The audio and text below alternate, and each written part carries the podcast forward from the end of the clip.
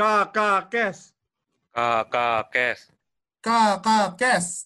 Kakak Kes. Salurkan saja. Oke semuanya, selamat datang kembali di Kakak Kes.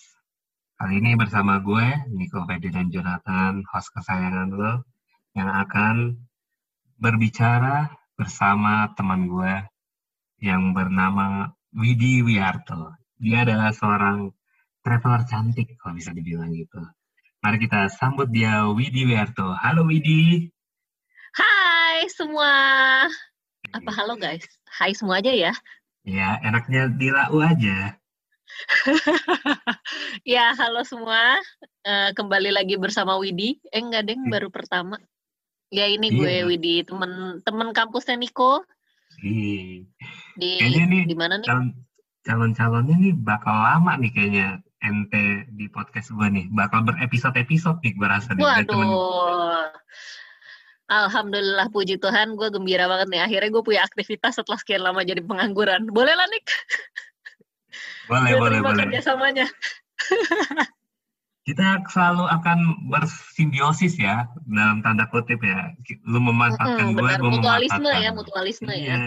Kita harus begitu, Bray. Supaya hidup, tetap hidup lah ya intinya. Lu gimana Hmm, nih, Kak?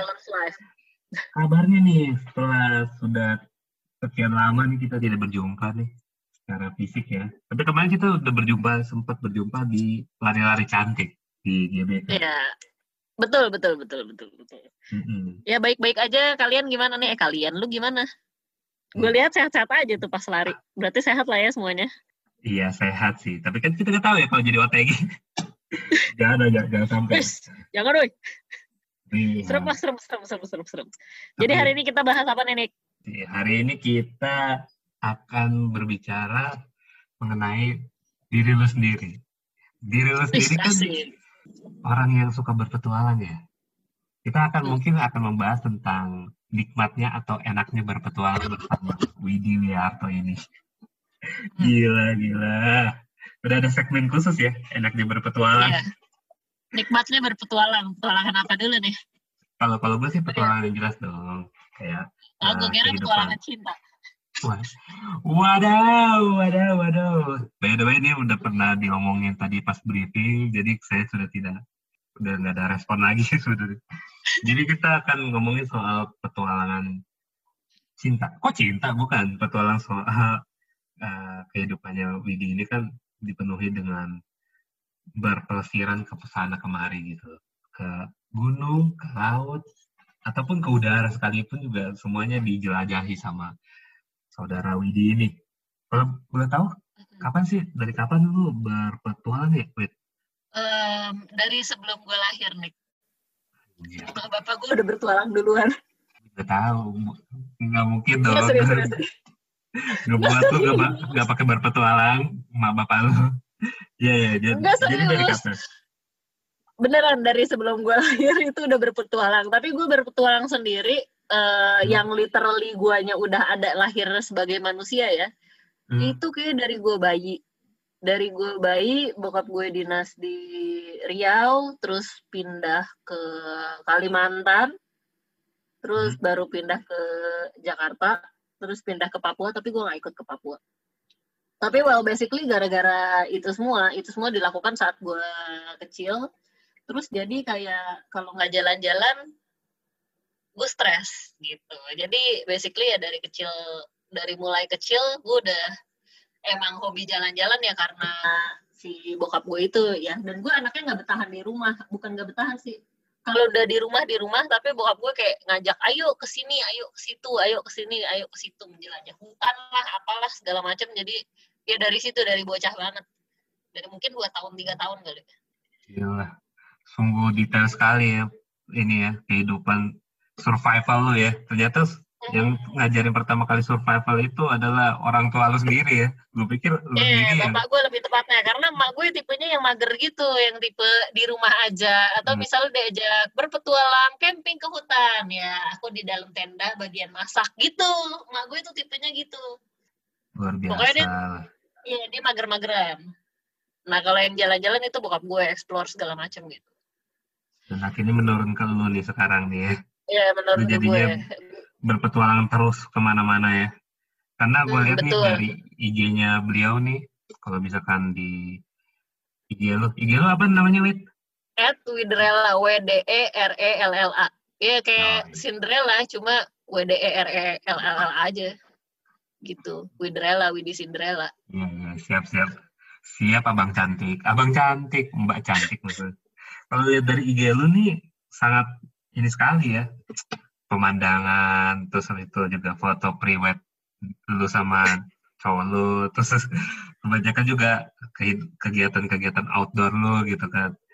Ini emang udah apa ya, memframe diri lu sebagai seorang apa petualang-petualang cantik kah atau gimana sih sebenarnya?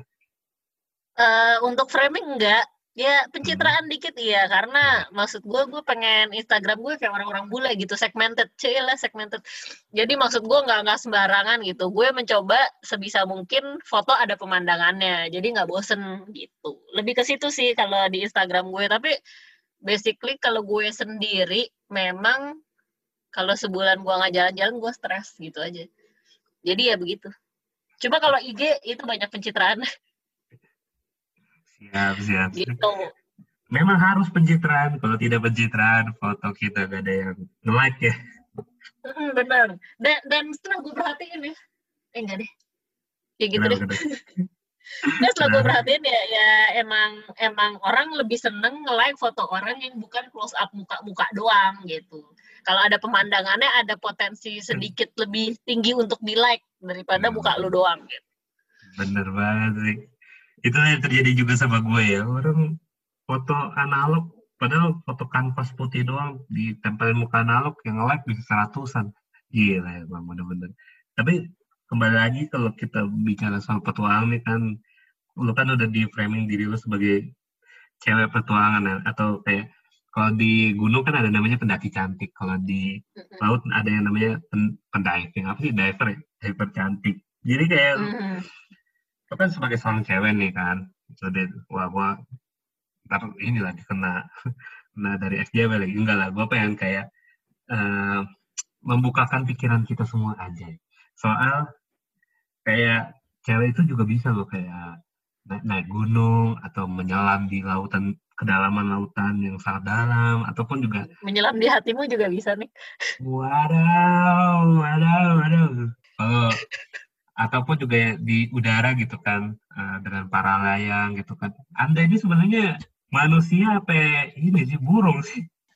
Enggak, sebenarnya eh, gue suka intinya intinya ya satu kalau gue mungkin nggak tahu kalau orang lain gimana coba gue intinya satu Eh, daripada nggak jalan-jalan mendingan gue jalan-jalan ke mana aja deh hayo gitu daripada gue nggak jalan-jalan kuncinya cuma satu itu sama kekepoan gue yang tinggi udah Hmm. itu doang kepo sama suatu tempat baru apa segala macam jadi ya gue kepo aja.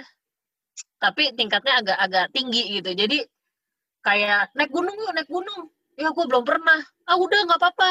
Terus gue mikir eh ya bulan ini gue belum jalan ya udah deh gitu. Laut yuk laut yuk. Ya tapi gue nggak bisa berenang. Tadi gue nggak bisa berenang. Terus ya udah tapi daripada lu nggak jalan-jalan ya udah deh gitu. At the end gue bisa bisa melakukan semuanya gitu gitu. Lebih ke situ sih. Ya oportunis bisa dibilang oportunis iya tapi intinya gue bosenan aja sih. Dan daripada gue nggak melakukan apa pun mendingan gue melakukan sesuatu gitu. Walaupun gue nggak bisa dan tertatih-tatih tapi I can survive. Gila, gila. Sungguh inspiratif sekali ya. Sebenarnya dari ocehan lu tadi intinya cuma satu sih, jalanin dulu aja ya. iya jalanin dulu aja benar. Nggak usah nunggu status udah jalanin dulu aja. Jalanin dulu aja, Bray. Kalau cocok lanjut kalau nggak cocok bubar. Bisa ada aja deh anjir mancingnya. Mbah, mbah. Tapi kalau misalkan kita bicara soal petualang gitu kan, lu udah ke mana-mana nih. Ada nggak sih kayak eh, nanti satu-satu deh dari gunung, laut, terus habis itu kalau lu udah pernah di udara di di mananya gitu, tempat yang paling lu kayak emes gitu kayak wah anjir ini gue kayak mungkin ada cerita tersendiri gitu ataupun juga kayak paling berkesan gitu di yang pernah lo ini datangi gitu. eh sebenarnya setiap perjalanan punya kisah eh, nya masing-masing. Sampai kalau ada teman-teman gue eh, suka bikin tagline there's something about Widya karena pasti ada-ada aja gitu tiap perjalanan ya. Cuma menurut gue yang paling memorable banget itu gue ke Raja Ampat. Hmm. Gue pertama, iya iya gue ke Raja Ampat back then in 2000 berapa ya udah lama lah 6-7 tahun ya sebelum sebelum si Raja Ampat ini hits gitu Hmm. Naik pesawat. Iya naik pesawat, naik pesawat. Karena bokap gue kan eh, waktu itu emang dinas di Papua kebetulan. Jadi gue sambil liburan gue ke sana ditawarin nih ke Sorong sama gue ke Raja Ampat sama temen-temennya dia.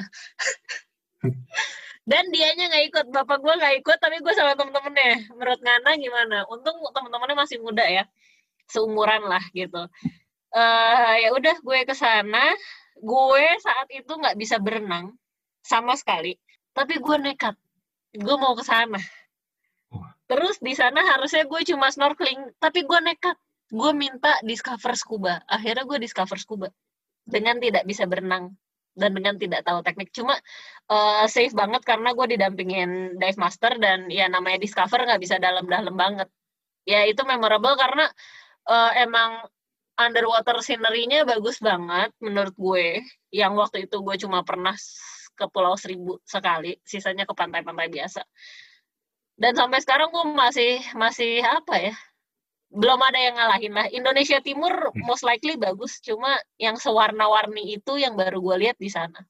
Sama orang-orangnya, culture-nya, lucu-lucunya gitu, keki-kekinya, keki-kekinya. Gue nggak mau segmented, cuma ya ya lucu, lucu, lucu.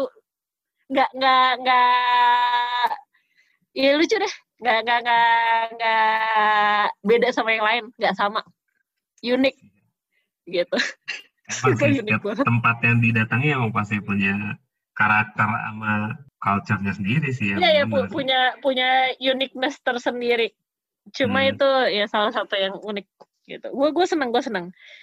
Tapi gue gue nggak bilang orang Papua itu jahat atau gimana. Enggak, enggak mereka baik banget welcome banget untuk ukuran tahun dulu tahun dulu tuh kayak Papua itu belum belum sedevelop sekarang belum belum banyak tourism juga Raja Ampat juga belum se welcome sekarang orangnya welcome Hmm.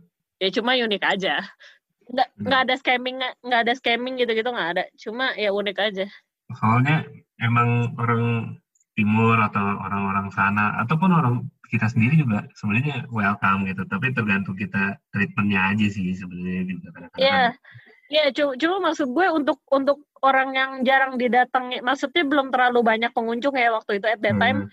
belum banyak pengunjung dan lo kayak masih masih agak baru buka, ya nggak baru banget, cuma ya pariwisata juga belum terdevelop banget. Hmm. Orangnya udah welcome. Kan ada Hmm. kalau kayak gue ke beberapa daerah waktu itu gue pernah ke Belitung. Waktu Hmm. itu Belitung belum rame, belum se se hype sekarang itu. Iya. Orangnya tuh nggak se-welcome orang Papua. Menurut gue Iya. ya, menurut gue. Hmm. Apa ya lebih apa ya? Lebih kaku terhadap turis gitu, nggak nggak luas. Nah kalau orang ba- si Papua sendiri ini lebih luas. Gue sampai amazed lah, welcome gitu. Lah gampang nih bebaur begitu sih. Jadi Wah, iya. itu meninggalkan satu titik sendiri, satu kotak bintang lah buat gue. Jadi kalau gue lagi frowning atau gimana, aku mengingat kotak bintang itu gue ambil buat membuat hari gue cerah gitu. Mengingat-ingat rasanya diving di Raja Ampat ya. Iya, aduh, gemes. Karena itu yang benar-benar kayak membuat lo terkesan gitu sampai hari ini kayak mengingatnya pun juga kayak wow ini masih Iya iya iya benar karena gitu. dulu kan gue iya dulu gue suka nonton Nat Geo ya Nat Geo yang underwater Oh, iya. itu loh Mhm. yang suka ikan-ikan laut apa segala macam. Dan gue cuma bisa lihat di TV gitu koral warna-warni apa segala macam. Nah, pada saat gue ke sana ke Raja Ampat, gue ngeliat itu secara nyata, secara real ada di depan mata gue. Sampai tangan gue tuh dikelepak-kelepak terus sama si dive masternya karena gue pengen pegang semuanya. Itu itu Mhm. sebenarnya nggak boleh dipegang ya. Dan Hmm. gue tidak berhasil megang karena gue selalu ditepak sama si dive master gue. Cuma ya lo ngeliat itu depan muka lo, sesuatu yang lo eh, bayangkan dari kecil gitu, yang lo impi-impikan dari kecil, iya ada gitu Hmm.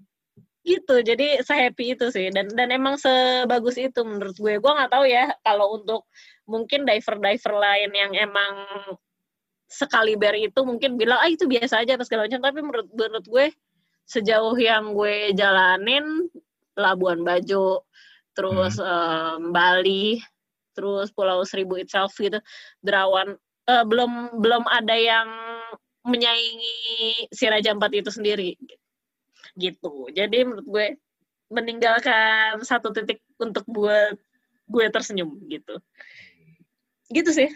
Kalau kita berpetualang itu kan kita yang menikmati ya. Dan juga kan pengalaman orang itu beda-beda terhadap satu tempat sih.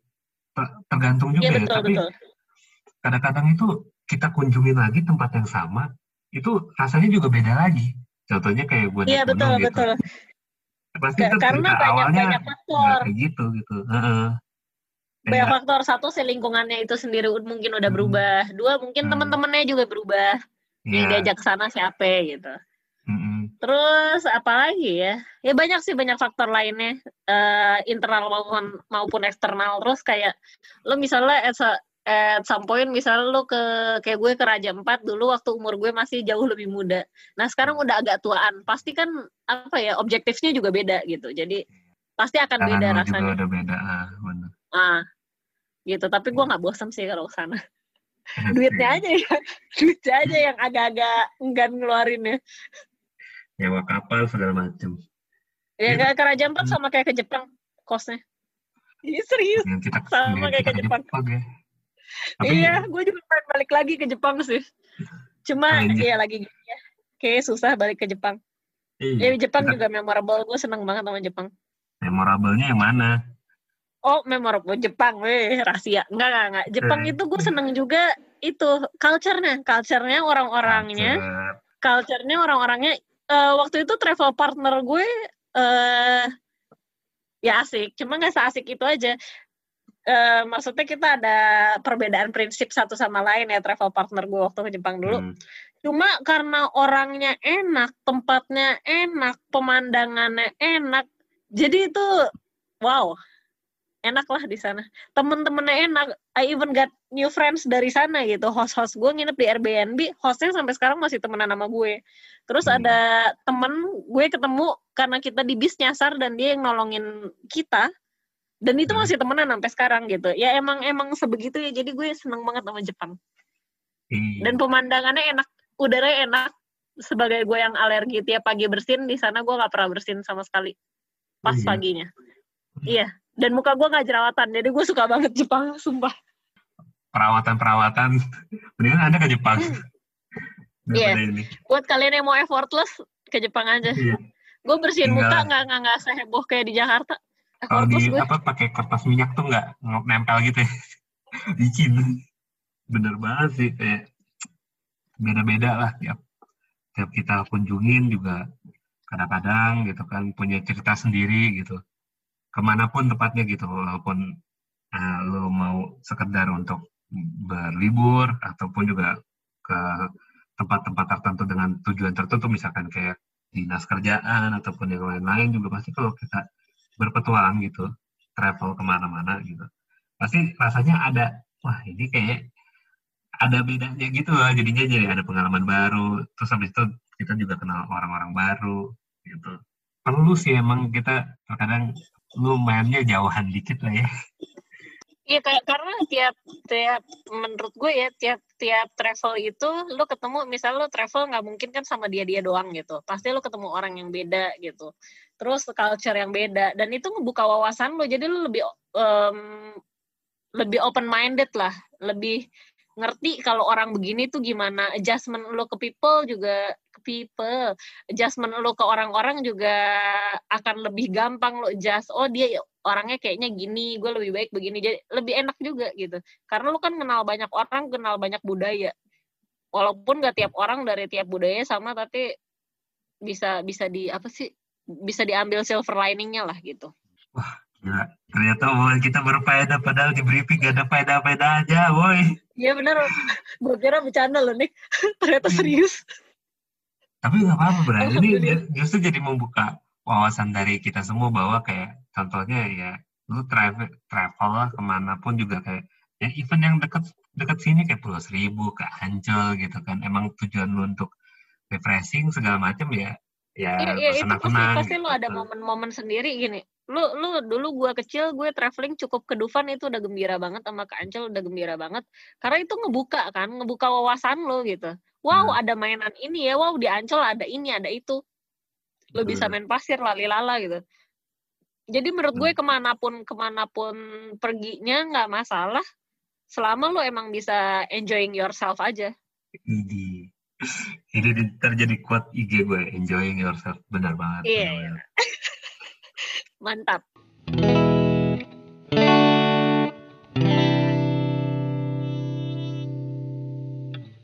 Lu nih sebagai salah satu diver cewek gitu kan, soal stigma wanita lah di gunung gitu kan, ataupun juga di laut gitu kalau lu sebagai divernya.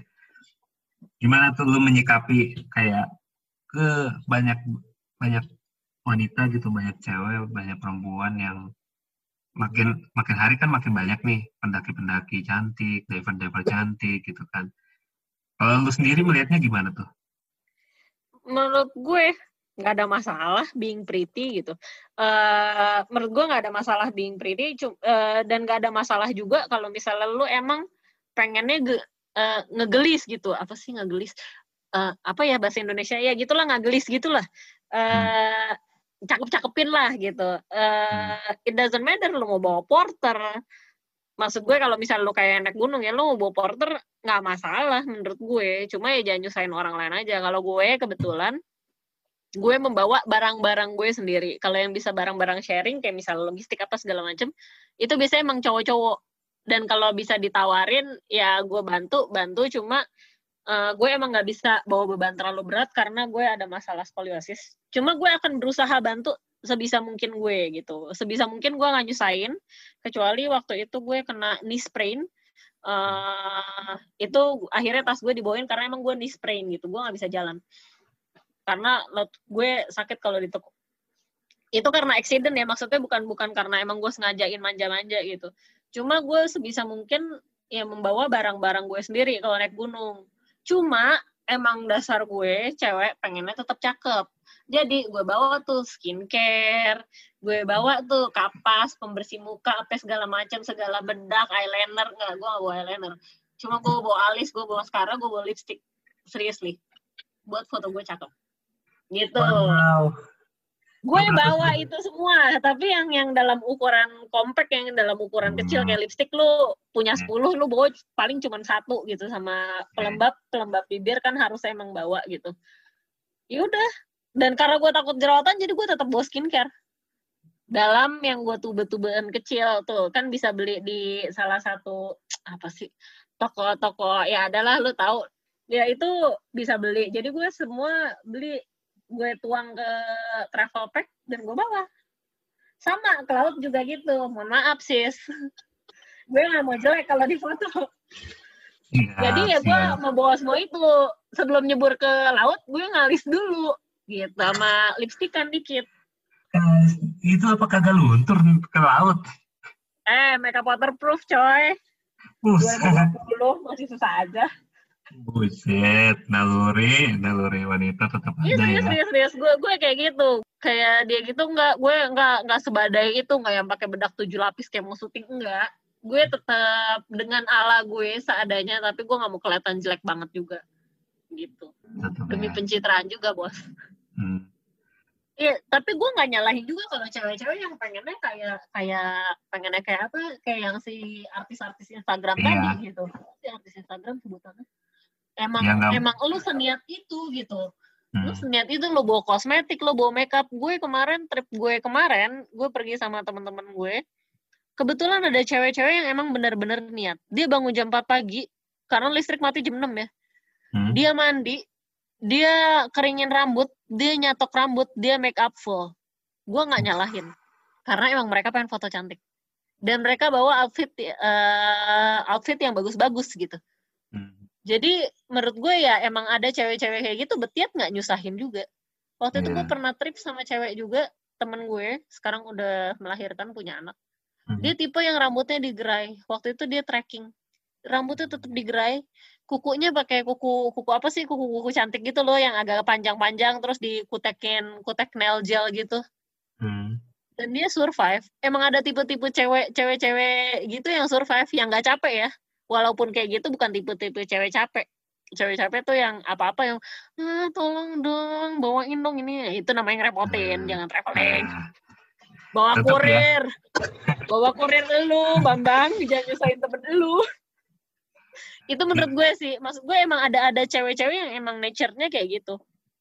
Dan gue nggak nyalahin dan itu bener, bener ada. Ada yang tipenya emang cewek capek, ada yang setengah strong, ada yang emang strong banget. Kalau yang strong banget tuh Hmm. yang kayak perawakannya ya gitu deh. Ya emang kayak, wah strong banget lah gitu. Nggak Tapi udah kagak mikirin make up tuh. Kalau gue nggak, gue masih mikirin.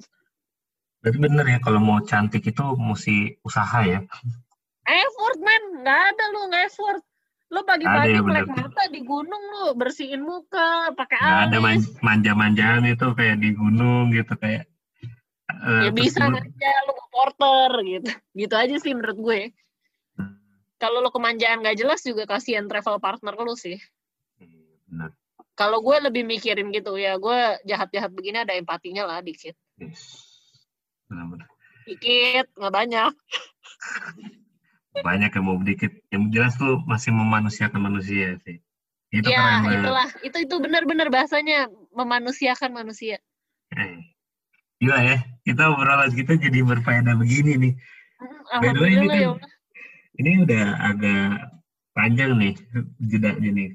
Kalau kita kan udah mau masuk ke terakhir nih, part terakhir, gue pengen kasih statement sih ke lu sih.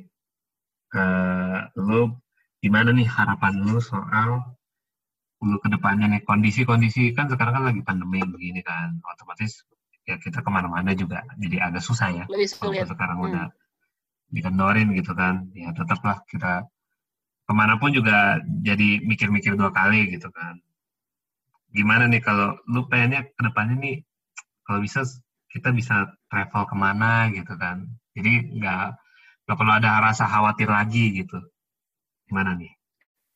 Sebenarnya menurut gue travel ke mana aja em, no worries ya selama lu benar-benar ngejalanin protokol kesehatan gitu. Kayak misalnya Hmm. kayak misalnya gue kemarin eh, pergi ke pulau. Itu gue benar-benar bawa semuanya sendiri gitu. Kayak lo beli bawa alat snorkel lo sendiri terus lu juga di sana pakai masker lu juga di sana salah satu requirement saya emang nyerahin sih hasil rapid test lo gitu. Jadi lu rapid dulu gitu. Ya Hmm. jangan sepelin hal-hal kecil menurut gue sih kayak gitu aja sih jangan sepelin hal-hal kecil karena eh, ini impactnya ke orang lain. Lu pikir-pikir lah kalau lu nggak mau celaka juga dan nggak mau usahain jangan nyelakain orang juga. Jadi sebenarnya kalau lu bisa travel safe ya bisa banget gitu. Gue nggak melarang orang untuk traveling selama lu emang tetap mematuhi protokol kesehatan, tetap lo melakukan cek rutin ya, cek rutin kayak rapid atau swab bagus-bagus kalau swab. Cuma swab kan agak mahal. Hmm. Eh, rapid aja gua rasa cukup dan jaga kondisi, jaga stamina. Kadang-kadang orang tuh kalau traveling kayak maksain gitu, udah capek belum mau tidur. Lu tidur deh. Sekarang tuh waktunya waktu istirahat, Cila. Serius, serius, serius. Kayak lo imunitas lu kan akan terganggu kalau misalnya lu kurang tidur juga. Menurut gue sih gitu. Jadi tetap jalanin protokol kesehatan, tetap menghargai orang lain juga, jangan bersihin di hacu gitu, ditutup. Semuanya, semua asal dijaga, gua rasa sih aman ya. Dan social distancing, gitu. Itu Aman nggak penting. suap-suapan ya sama temen ya, tolong. Kalau traveling biasanya suka icip-icip suap-suapan. Oh, iya. Atau sendoknya nggak ganti-ganti ya, kalau bisa lo bawa cutlery sendiri lah. Gitu sih menurut gue. Bener banget ya, gue ngeri kata aja. Dulu kalau gue makan kan di gunung gitu, sendoknya satu berame-rame. Muter-muter. Iya, suap-suapan. Nah, kalau gue kemarin pengalaman gue terakhir, gue kebetulan ke gunung pak habis pandemi, eh, ke Gunung Lawu kemarin. Ya kita siapin makanan, cuma sendoknya kita emang bawa ekstra. Jadi lu ada sendok buat nyendok makanan, ada Ya. sendok buat nyendok ke mulut lu. Jadi istilahnya dari sendok makanan cuma ke piring lu doang, tapi nggak Ah. nggak sampai ke mulut lu gitu. Jadi ah. nggak tuker-tukeran gitu. Sama ke laut juga kemarin gitu. Dan gue wanti-wanti lu bawa cutlery sendiri ya, itu gue wanti-wanti sih. Iya. Bener banget Itu. sih. Sekarang bawa peralatan apa ya hmm, harus semaksimal Iya, mungkin tuh juga ya. cutlery sekarang kan banyak yang banyak yang kecil-kecil banget tuh yang compact-compact banget. Iya. Beli yang itu itu aja sih dan nggak Nggak mahal makan juga tempat gitu. juga, iya. Nggak makan Iya tempat nggak makan juga sih. tempat, nggak mahal dan nggak berat. Hmm. Nah, itu. Jadi ya bisa lah. Gue yakin lu orang pada bisa lah. Hmm. Nggak susah kok. Mantep banget memang saudara Widi ini telah menjelaskan kepada kita ini soal banyak hal ya. Cuman yang gue kesimpulkan sih emang dari obrolan yang sangat berfaedah ini akhirnya adalah kayak ya ketika lo mencapai sesuatu gitu, menginginkan sesuatu, ya mendingan lo jalanin aja dulu sih. Jangan Betul. ragu untuk mencoba gitu kan. Kalau misalkan lu kepo-kepo tapi lu nggak mau coba ya sama aja gitu lu going nowhere juga sih. Tapi Jadi Itulah coba cobain yang- aja. Eh cobain apa deh? Semuanya. deh Ya semuanya dicoba aja. Kalau suka ya lanjut, kalau nggak suka ya udah. Namanya juga jalanin aja. iya. Ya, sampai ke pasangan juga begitu ya. Udah, oke.